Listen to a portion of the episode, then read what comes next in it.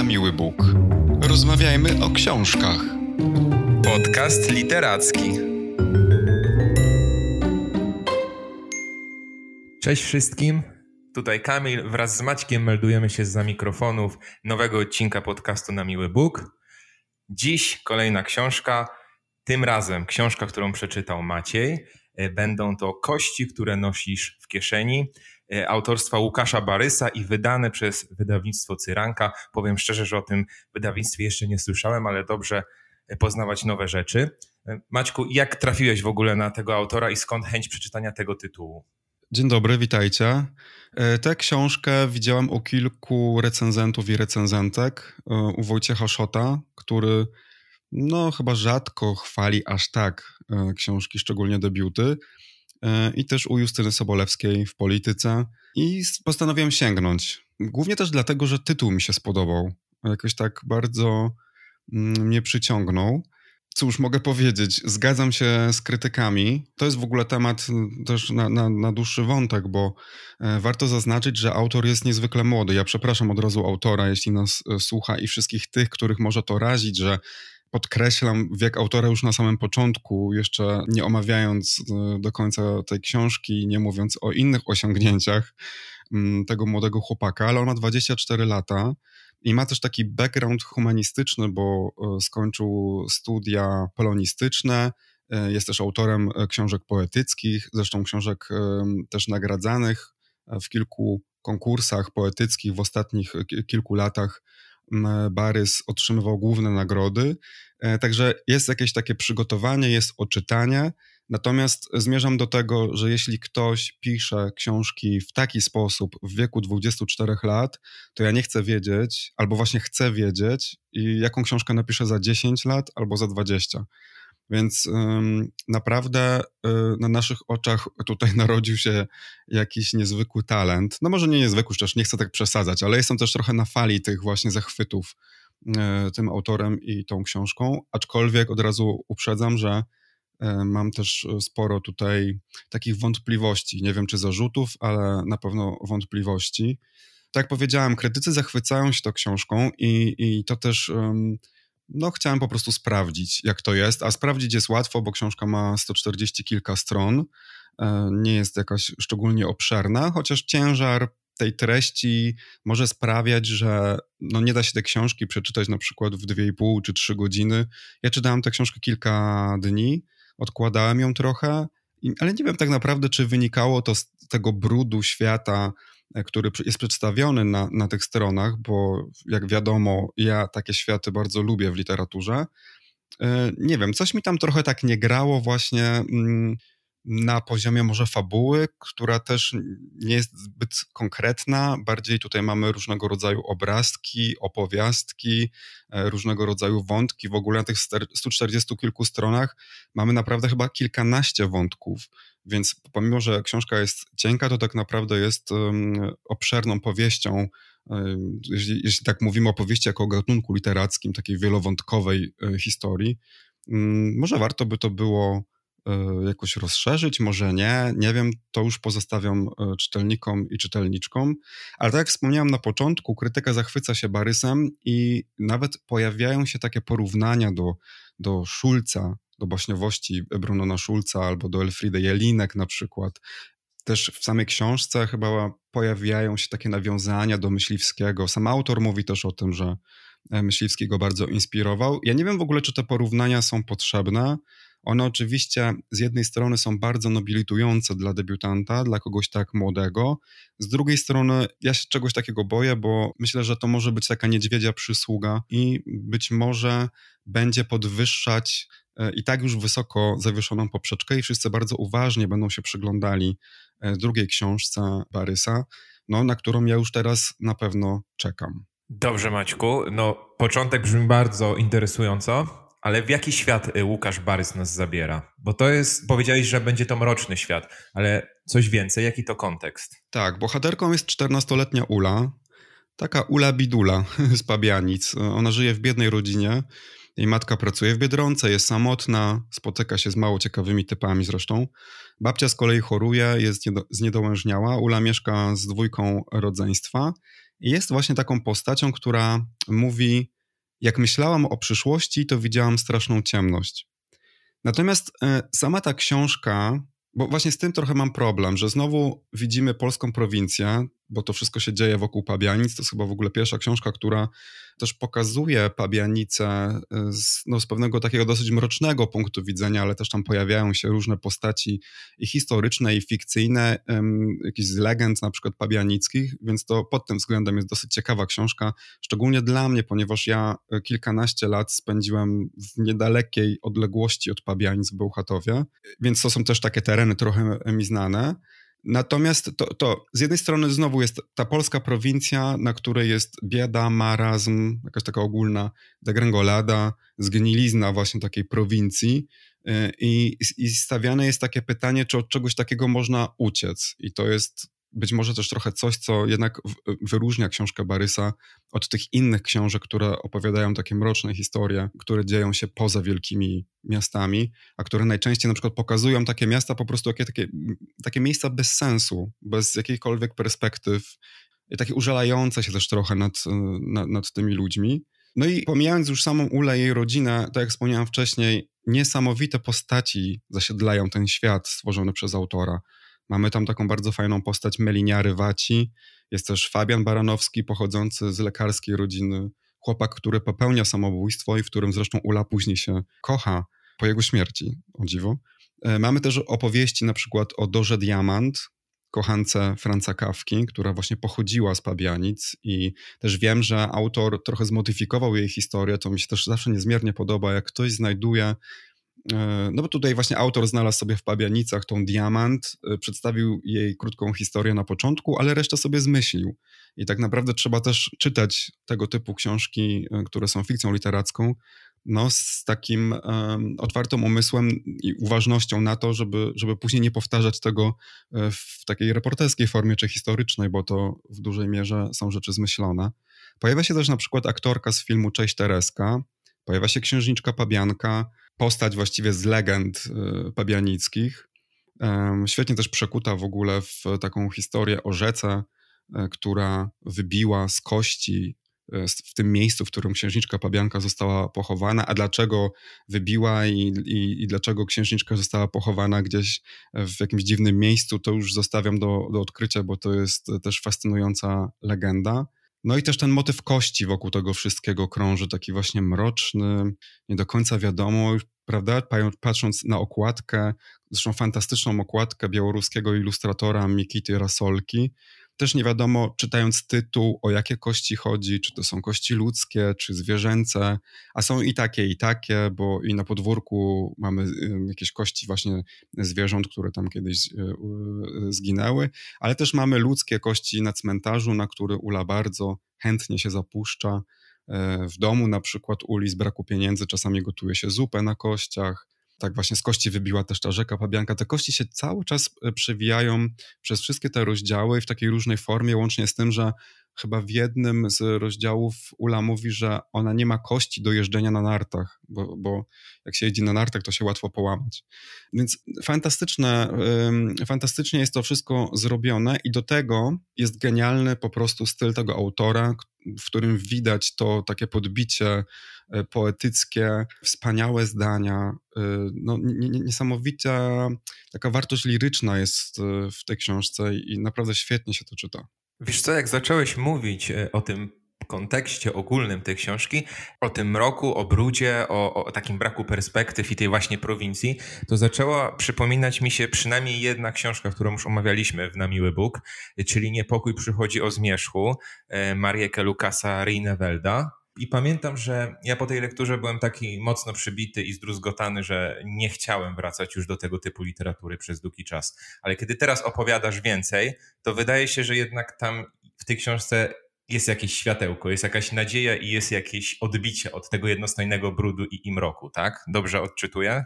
Trudno jest porównywać trochę te książki. Z jednej strony tak, mi też oczywiście skojarzyło się to z książką Reinefeld. Oczywiście dlatego, że po pierwsze mamy prowincję, po drugie biedę i po trzecie narratorką jest kilkunastoletnia dziewczynka. W ogóle do tej narratorki musimy za chwilę wrócić, bo jak wiadomo, ja tego typu narracji nie lubię, nie przepadam za nimi, a tutaj trochę się coś zmieniło, ale to może, żeby nie mieszać wątków, to za chwilę do tego wrócę. Natomiast jeśli chodzi o książkę Reinefeld, wydaje mi się, że w tamtej książce jednak mieliśmy pokazany trochę taki bezsens właśnie tej prowincji i tego marazmu, zgnilizny i tak dalej. Natomiast tutaj w książce Barysa, okej, okay, jest oczywiście podkreślona ta nierówność szans tych ludzi, którzy urodzili się w ubogich rodzinach, e, w małych miasteczkach, gdzie nawet rodzice nie mają tych perspektyw zawodowych, w związku z tym te dzieci też, brzydko mówiąc, y, są już po prostu udupione na starcie. I oczywiście jest tu opisana jakaś próba wyrwania się z tej biedy, ona oczywiście najczęściej jest nieudana, to jednak ta książka ma trochę inny wydźwięk niż y, książka Reinefeld.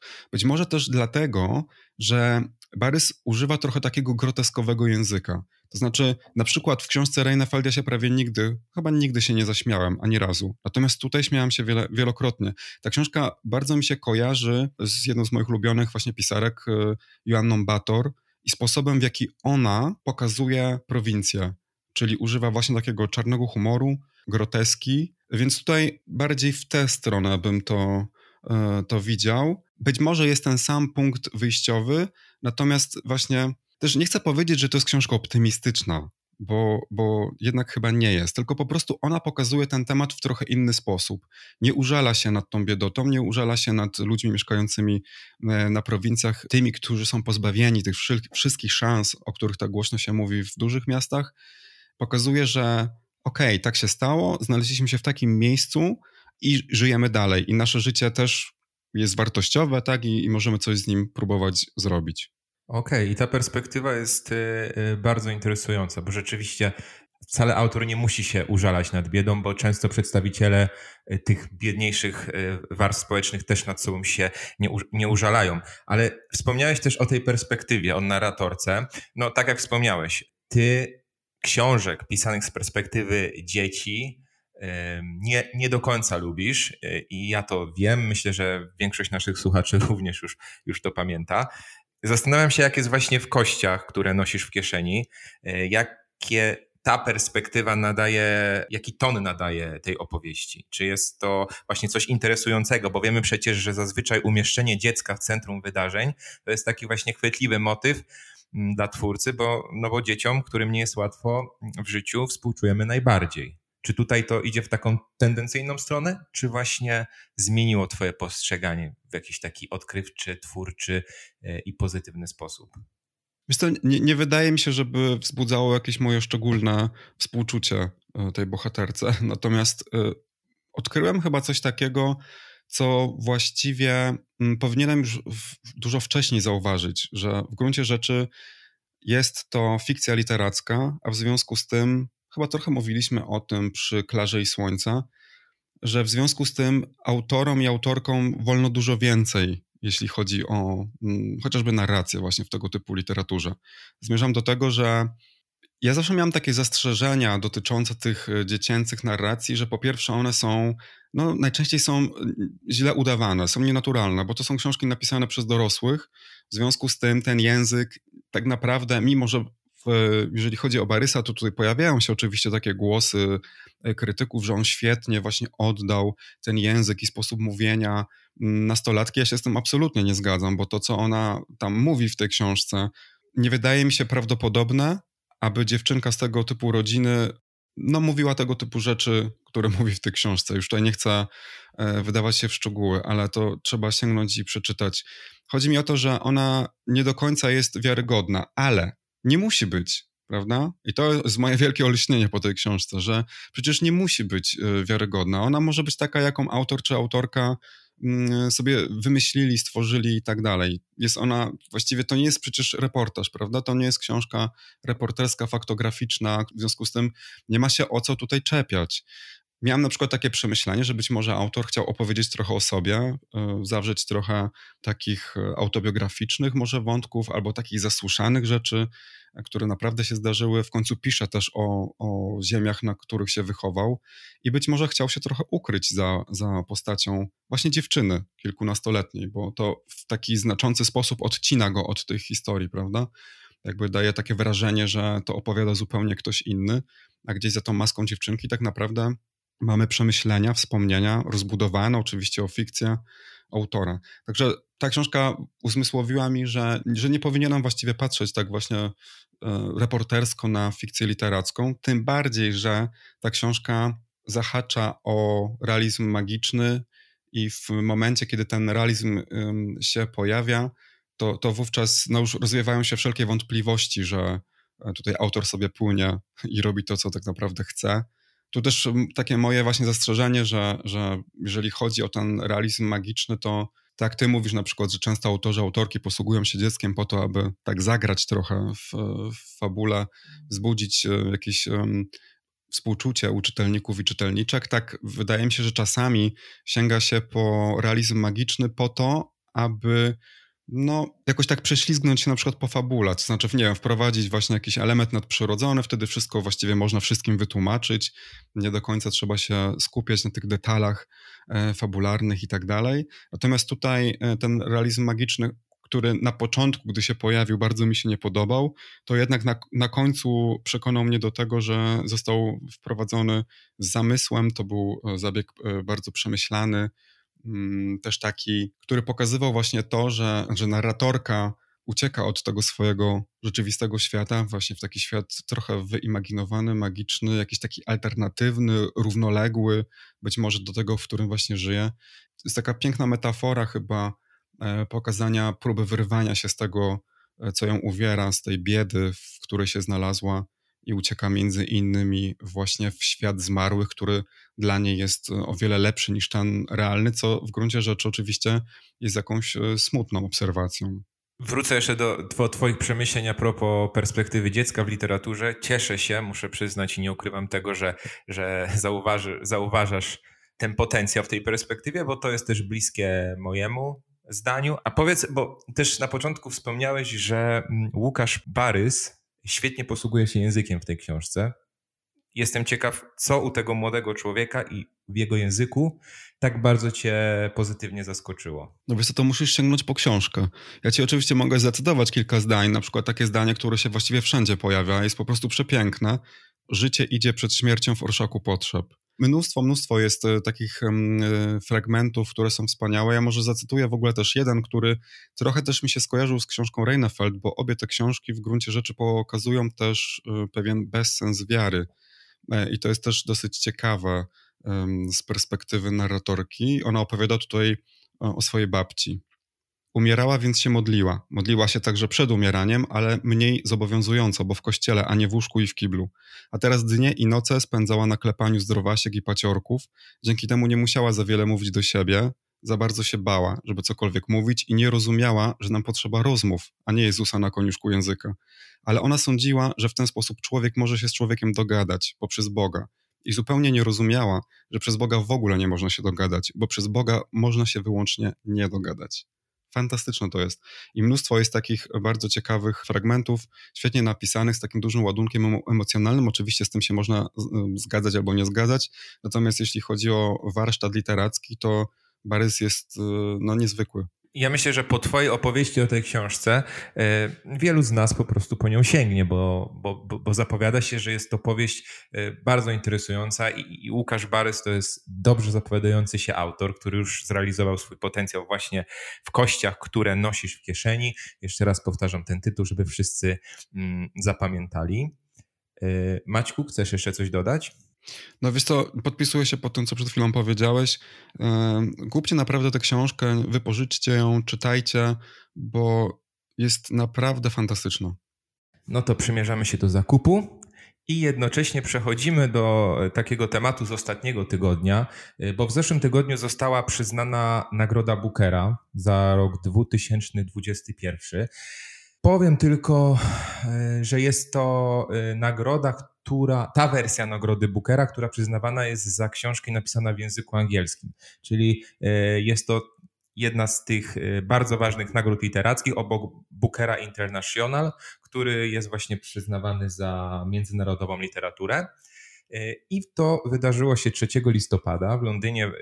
Południowoafrykański autor Damon Galgut za swoją powieść The Promise dostał właśnie Bookera w tym roku. Można by sobie pomyśleć, że jest to jeden z kolejnych y, autorów, który nie jest przetłumaczony, którego dzieła nie są tłumaczone na język polski. Owszem, jeszcze przez chwilę tak będzie, natomiast już wydawnictwo Czarne pochwaliło się, że jego powieść The Promise doczeka się y, w przyszłym roku y, polskiej wersji, więc będziemy mogli książkę przeczytać, a zapowiada się ona o tyle ciekawie, że dotyczyć będzie historii sagi rodziny Swartów, książki, która będzie w dużej części dotyczyła czasu, a pomysł na jej napisanie zrodził się u autora w trakcie rozmowy z przyjacielem, który jest ostatnim żyjącym członkiem swojej rodziny.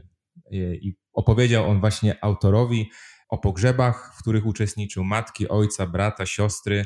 Także to będzie taka historia o sadze rodzinnej, nagrodzona e, powieść również jakby jest chwalona za styl, porównywana do, do, do pisarstwa Faulknera i Joyce'a, także czekamy na to wydawnictwo w Polsce.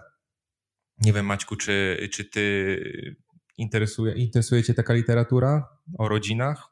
Wiesz to, ja nie jestem fanem sag rodzinnych. Przepraszam, że jestem taki wybredny. W ostatnich latach czytałem oczywiście Gorzko Gorzko, bo omawialiśmy tę książkę w podcaście, mówiłem o niej. Czytałem niedawno całkiem po raz kolejny 100 lat samotności, żeby przygotować się też do tego odcinka, w którym mówiliśmy o rozmowie Josy i Markeza. I muszę przyznać, że w obu książkach ten motyw, czy tak mogę powiedzieć, sagowości, czyli tych właśnie wielopokoleniowości bohaterów i bohaterek, to była akurat rzecz, która podobała mi się najmniej, ale z kolei bardzo, bardzo lubię e, książki, które w jakiś sposób interpretują na nowo czas, opowiadają o czasie, szczególnie jeśli są to jakieś takie nielinearne opowieści. Mm, zresztą e, Kości, które nosisz w kieszeni, to też jest książka nie do końca linearna, ale no tak, to zdecydowanie chciałbym zobaczyć, co tutaj autor nowego miał do powiedzenia o czasie, no bo zakładam, że coś nowego przedstawił, skoro tak ważna nagroda literacka mu tutaj została przyznana.